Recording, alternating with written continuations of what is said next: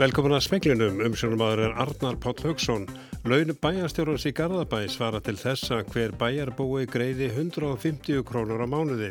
Mánaðalaun hans eru 2,4 miljónir. Fleiri eldar hafa kviknað í Amazon regnskóginum í ár en nokkru sinni fyrir. Prófessor í stopplífræði segir að afleiðingar eldana séu vítækar og ítundir lofslagsbreytingar. Fraklandsfósiti segir að hinn svo kalla baktrygging vegna útgöngu breytt úr Európusambandinu sé ófrávíkjanleg krafa. Sæstrengum millir Íslands og Breitlands er ekki lengur hagkvæmur, þetta segir formaða náttúruvendarsamtaka Íslands. Frankvæntarstjóri Grænni byggðar segir að mikil sóun viðgangist í byggingareinaði miklu sé hend sem ætti nýta. Stjórn Akureyrastofu leggur til að hagrætt verða á listasafnu á Akureyri að ábreytu stefnir í 18 miljóna króna hallar árækstrunum á árinu. Í nýju stæstu sveitarfélagunum er Gunnar Einarsson bæjastjóri Garða í Garðabæi launahæstur með rúmlega 2,4 miljónir á mánuði. Þar að færan 220.000 krónur fyrir að sitja í bæjastjórn. Það þýðir að hann fær um 150 krónur á hvern íbúa á mánuði. Ég gerir samning hér við, við bæjastjórnina um, um laun og, og sá samningur er betri en, en aðri samningar.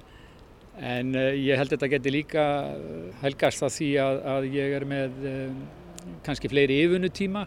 En í þessu samningi er kannski rétt að, að, að því þetta eru ná hálaun, ég viðkynni það og ger ekki lítið úr, úr þeirri gaggrinni sem hefur, hefur komið en þetta er starf sem er 24 tíma á sólaring og mikil ábyrg. En finnst þér eðlegt að vera með herri laun en til dæmis ráðherrar? Ég get ekkert svara fyrir það, ég veit ekkert eh, nákvæmlega hvað þeir eh, leggja mikið að mörgum eða hvaða fríðindi þeir hafa. Þetta er bara sérstakur samningur sem ég geri hérna sem, sem bæjastjóri saði Gunnar Einarsson í samtal við Hólfríði Dagníði Fríðjánsdóttur um eða tvær miljónir með hlunundum fá líka Haraldur Sverrisson bæjastjóri í Mosfellsbæ og Ármann K.R. Ólafsson í Kóbói. Á eftir þeim koma Dagur B. Eggersson borgarstjóri og Kjartan Már Kjartansson í Reykjanesbæ. Fleiri eldar hafa kviknaði Amazon-regnskóginum í ári en nokkru sinni fyrir profesor í stopplífræði segir afleðingar eldana víttakar og íta frekar undir lofslagsbreytingar. Amazon-regnskóðurinn hefur stundum verið kallaður lungu jarðarinnar. Yfir 20% af súrefnunu í andrumslofti jarðar verða til í skóginum. Skóareldar eru algengir á þurkatímum í Brasilju. Snæbjörn Pálsson, starfandi deildarfórseti líf og umhverfisvísinda deildar HÍ, segir þó að eldarnir í Amazon séu alvarlegri en áður. Þá hafa þeir aukist mikið frá því í fyrra. Eldarnir geti gert það verkum að erfiðra verði að eiga við loftlagsbreytingar sem svo geti ítt enn frekar undir skóarelda. Upplýsingar um eldana hafa verið á reiki þar sem gamlar myndir og myndskeið hafa farið á flug á samfélagsmiðlum. Enguða síður hefur geimísindastofnum Brasilju staðfest að fleiri eldar hafi kviknað í skóinum en nokkru sinni fyrr. Þurkar eru helsta ástæðan fyrir eldunum en einnig er kveikt viljandi í til að riðja fyrir nautgriparækt. Forseti Brasilíu, Jair Bolsonaro, hefur verið harlega gaggrindur síðan hann tók við embætti í janúar, þar sem hann hefur kvart bændur og fyrirtæki til að riðja skót til ræktunar. Mikinn reik leggur yfir meira en helming Brasilíu og nær yfir til Peru, Bólivíu og Paraguay.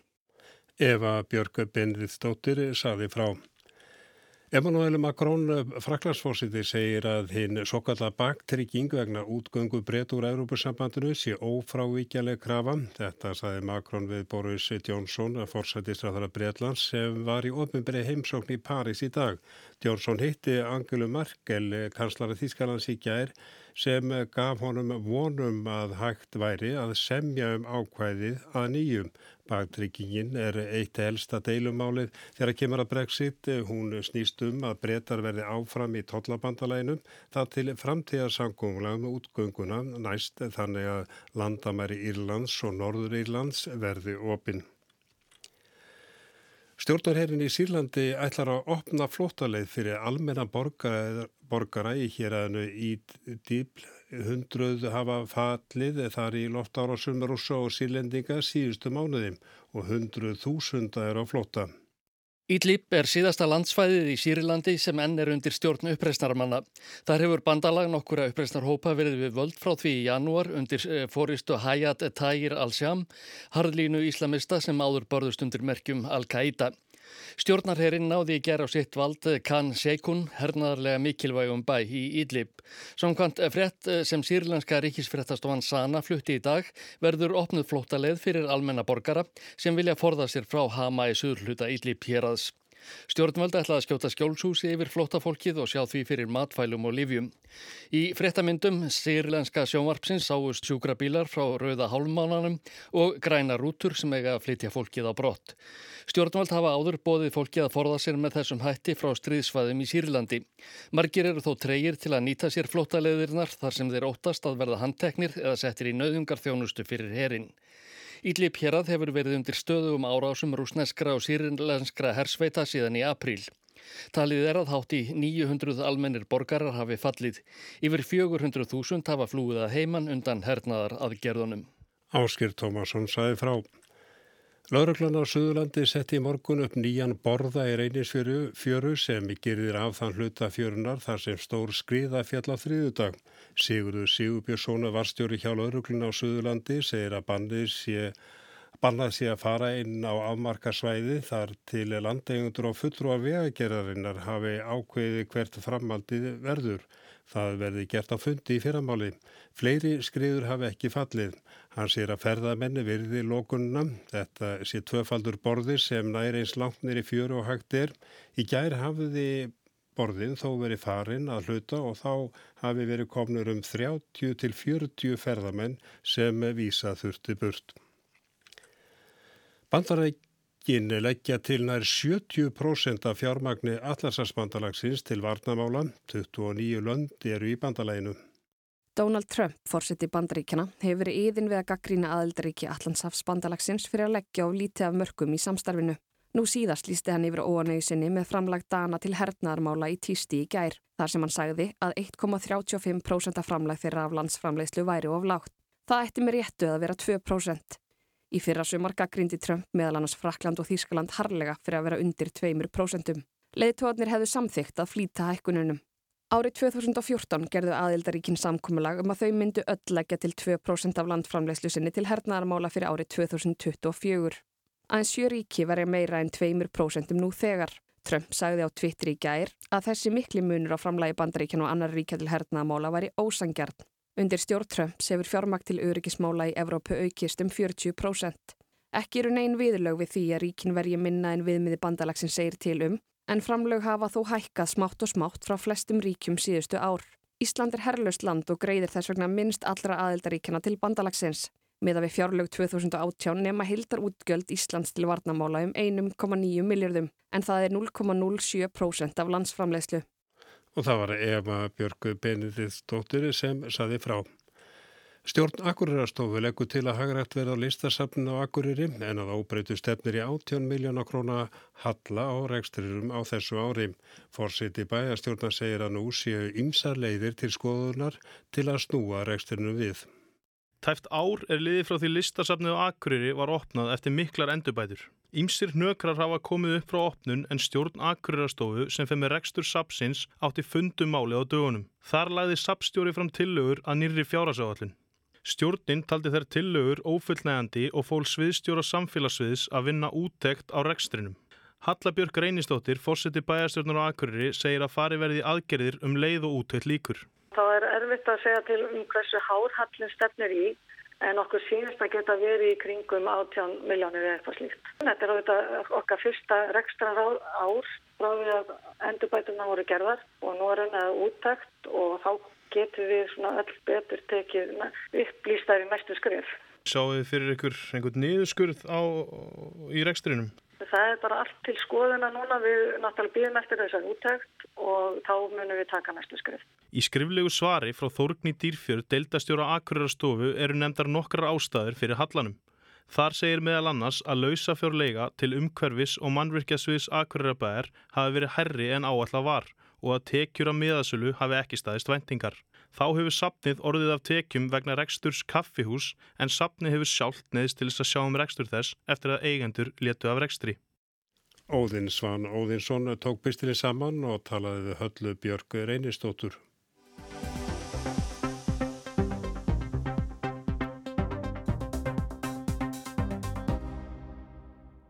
Formaður Náttúruvendarsamtaka Íslands segir að lagning sæstrengs millir Breitlands og Íslands sé ekki lengur arbær.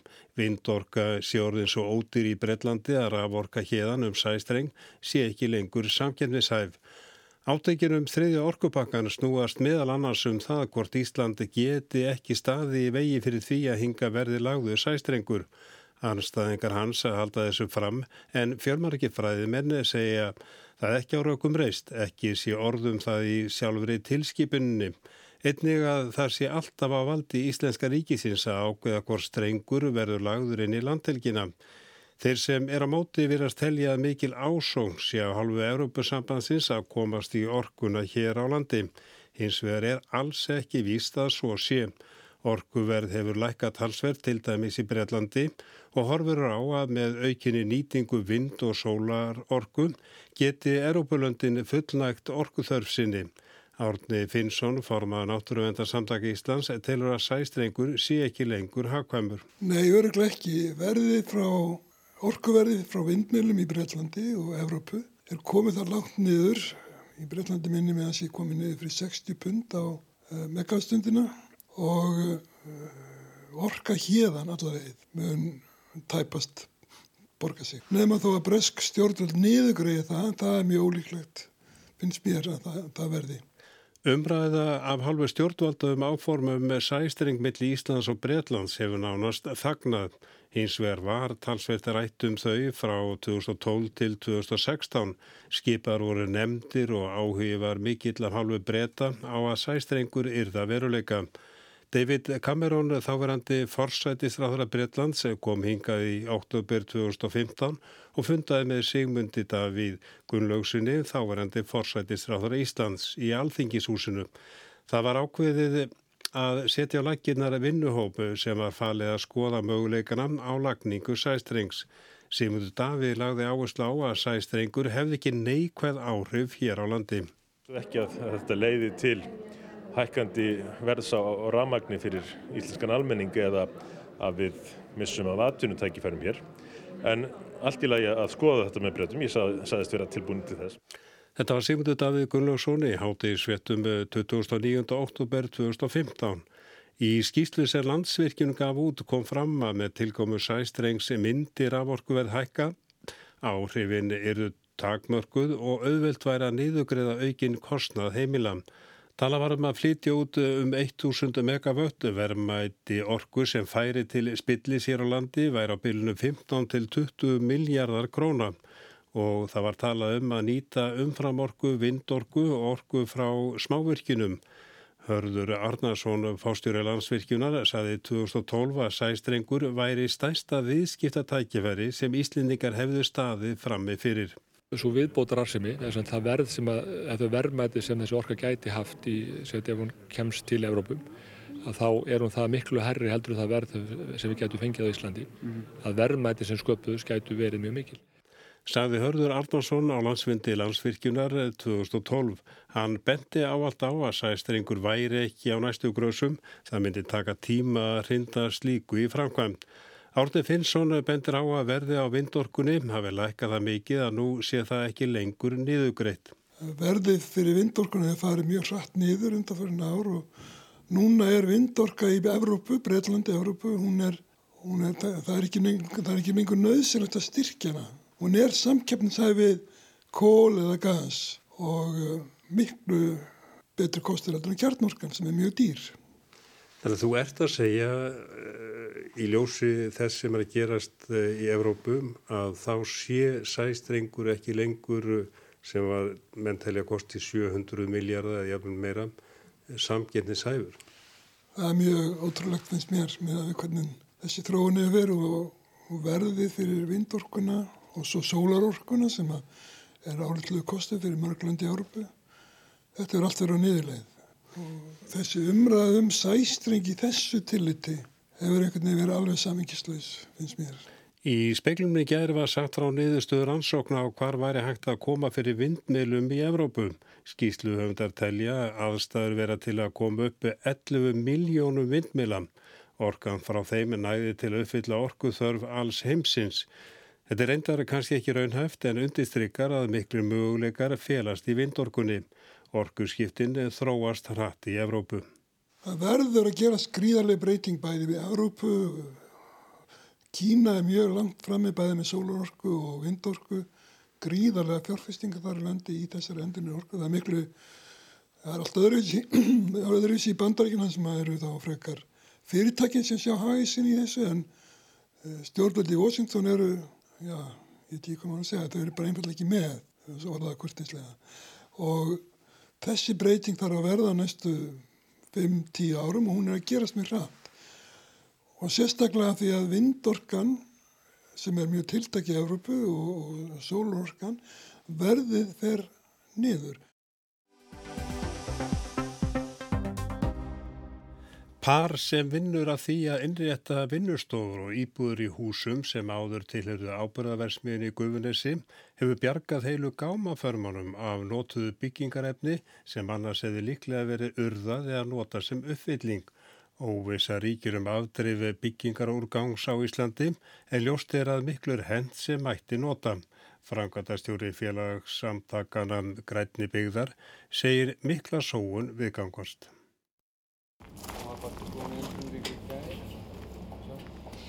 Félagið Loftkastalinn keipt á síðasta ári tvær verksmiðubyggingar í Guðunesi.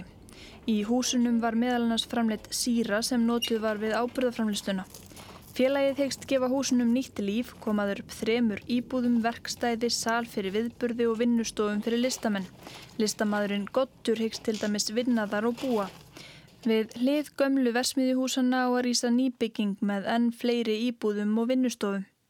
Borgin sér fyrir sér að Gufunesi breytist í kvikmyndaþorp, einhvers konar fríríki frumkvöðla.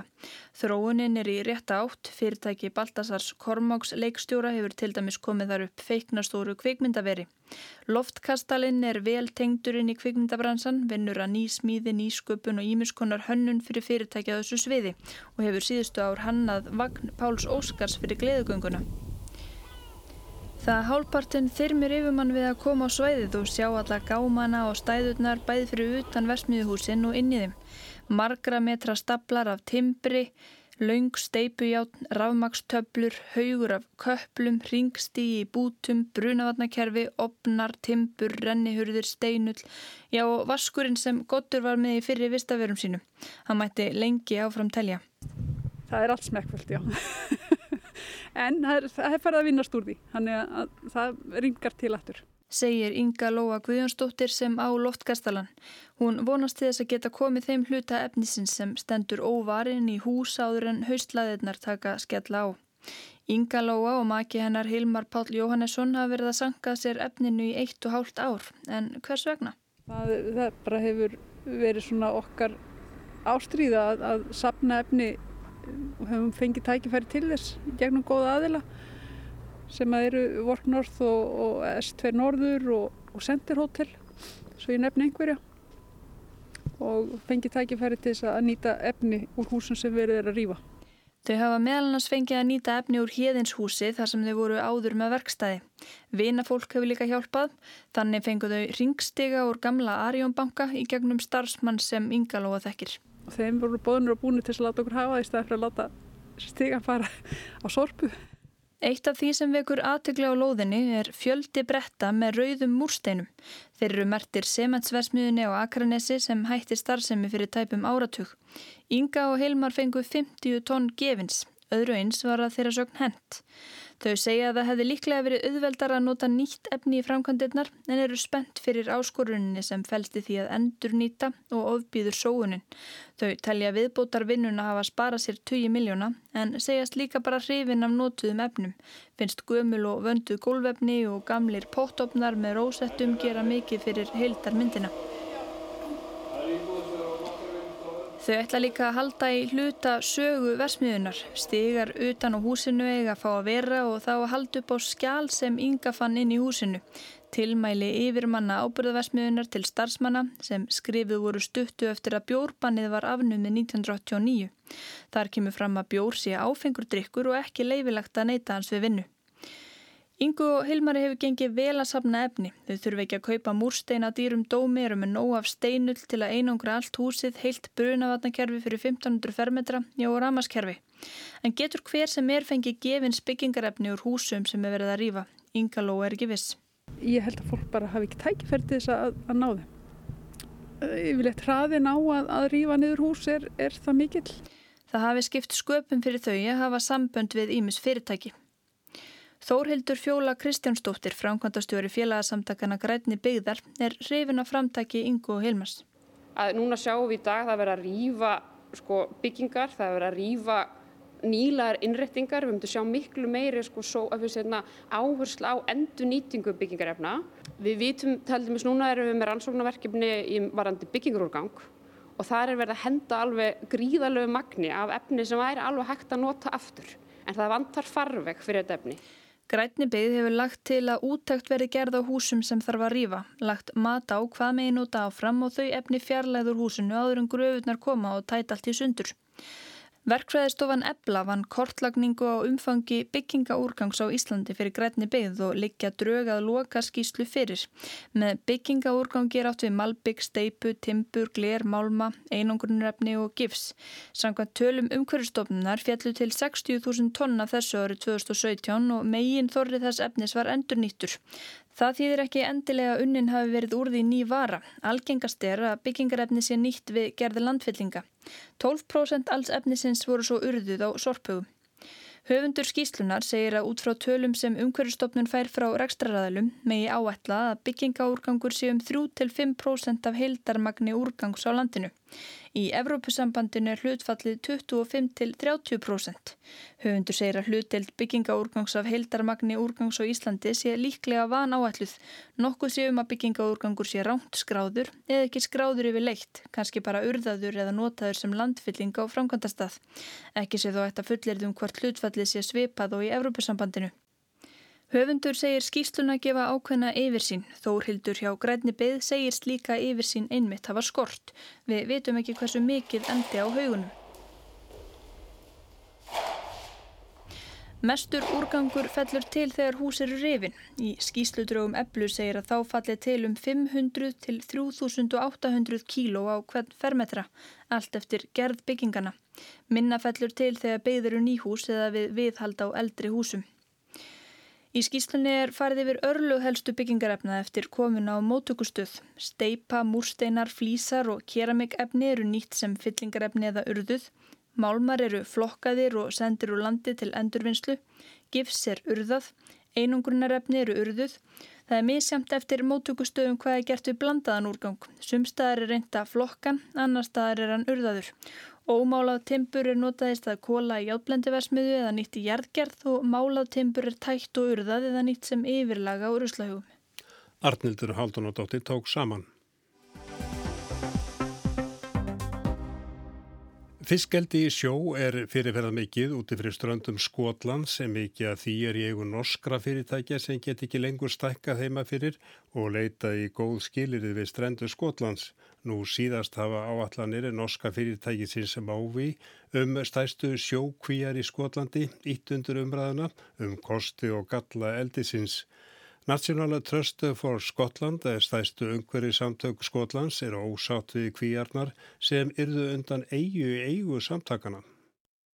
Hjá þeim fáu fisksölum sem er að finna í London er yfirleitt frábært úrval af fjölbreyttu og gyrnilegu sjávarfangi.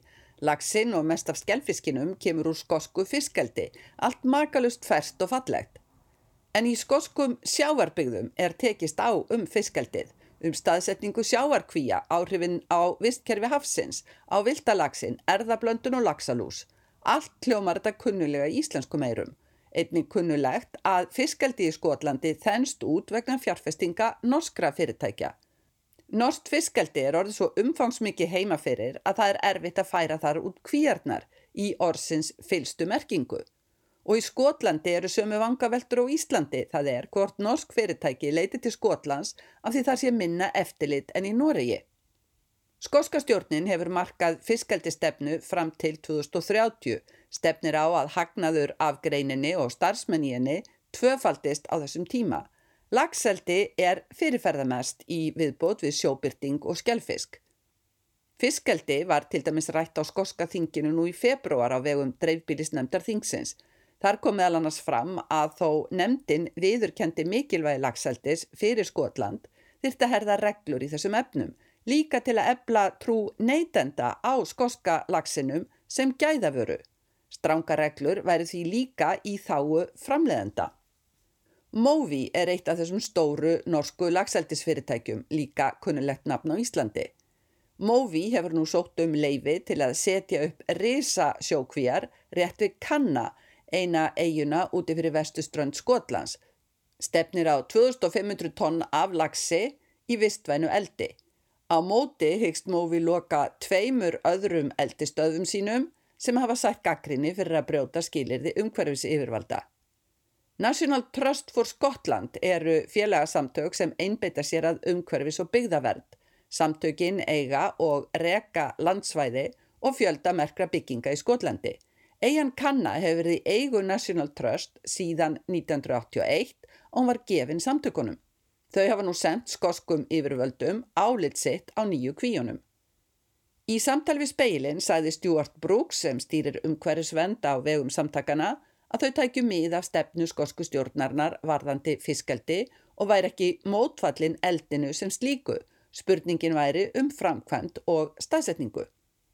Varðandi áallinir Móvís, sæði Brooks, samtökinn telja að ekki virtist vænlegt að koma upp kvíum á jæðri hafsvæðis sem sætti þegar margvíslegri vernd. Samtökinn óttast áhrifið á vistkerfi þarna meðal annars að nýju kvíjarnar gætu dreift lagsalús á stort svæði í námynda við lagsveiði ár. Einni væri þetta mjög fallegt svæði sem laðaði að vaksandi fjöldaferðamanna og ferðarþjónustan þarna mjög í þróun líkt og almennt í Skotlandi. Brooks benti einnig á að Movi myndi þurfa umsvifa svæði á landi sem eru þá að kanna sem landegendum liti samtökunum ekki á að leggja land undir þau umsvif líkt og samtökin hafa þegar reyfað í umsöksinni til yfirvalda. Það búa aðeins átján manns á kanna. Movi býður bæði innviða uppbyggingu og vinnu en þyrti líklega einnig að flytja inn vinnuafl. Brooks sagði að þarna tækjust á skamtíma tilbúðum vinnu og svo langtíma uppbygging ferðarþjónustunar. Íbúar á nágranna eiginu Egg hafa þegar hafnað umleitun um eldiskvíjar við þá eigu. Eigarskeggjar töldu lagseldi stangast á við gildi og ímynd eigunar sem óspilts svæðis og við allt sem svo ímynd fæli í sér til dæmis í þróun ferðarþjónustu. Brooks segir fiskaldi án Eva af hennu góða hins vegar væri nöðsynlegt að kanna vistvætni eldistleiðir til dæmis í lokuðu kerfi þar sem úrgangur væri endurnýtur. Það væri vissulega dýrari leið en fjalli betur að umhverju sjónamöðum. Eldist lagsin á bóðstólum hér í London og víðar heldur án Eva áfram að koma frá Skotlandi en hugsanlega verða framlöslu skilirðin hert og það geti í raun gagnast bæði umhverfinu og lagseldisfyrirtækjunum gert lagsin að eftir sóttari vöru eins og heyra mátti í umræðum á skoska þinginu í vetur. Sigrún Davíðstóttir saði frá. En við sögðum frá því í speklinum meðal annars að launum bæjarstjórans í Garðabæ svara til þess að hver bæjar búi greiðu 150 krónur á mánuði. Mánaðalaun hans eru 2,4 miljónir og það verið sagt nánar frá þessu í sjóvarsvétum klukkan 7. Fleiri eldar hafa kviknaði Amazon-rekskóirum í en nokkru sinni fyrr. Prófessor í stofnlífræði segir að afleðingar eldana séu víttakar og ítundir lofslagsbreytingar og það verða líka síndar myndir frá Amazon í sjómansvettum klukkan 7. Fraklandsfósiti segir að hinn svo kallaða bagtrygging vegna útgöngu breytt úr Europasambandinu sé ófrávíkjaleg krafa. Sæstrengum mill Íslands og Breitlands er ekki lengur hagkvæmur, þetta segir formaður náttúruvendarsamtaka Íslands. Frankværtastjóri Grætni byggðar segir að mikil sóun viðgangist í byggingariðnaði, miklu sé hend sem ætti nýta. Stjórn Akureyrastofu leggur til að hagrætt verði á listasafni á Akureyri að óbreytu stefnir í 18 miljónar krónar halla á reksturinnum í ár. Og veðrið norðaustlæg eða breytileg átt viða 3-8 metrar á sekundu, súldið að dálu til rigningum landið austanvert, bjart viðri á vestur helmingi landsins en skúr er á stöku stað. Áfram hægur vindur á morgun, skíjaða mest og viða skúrir en þurft á norðausturlandi. Hiti 10-16 stig á morgun. Það er ekki fleira í speklinum, tæknumari kvöld var Martin Martinsson verið sæl.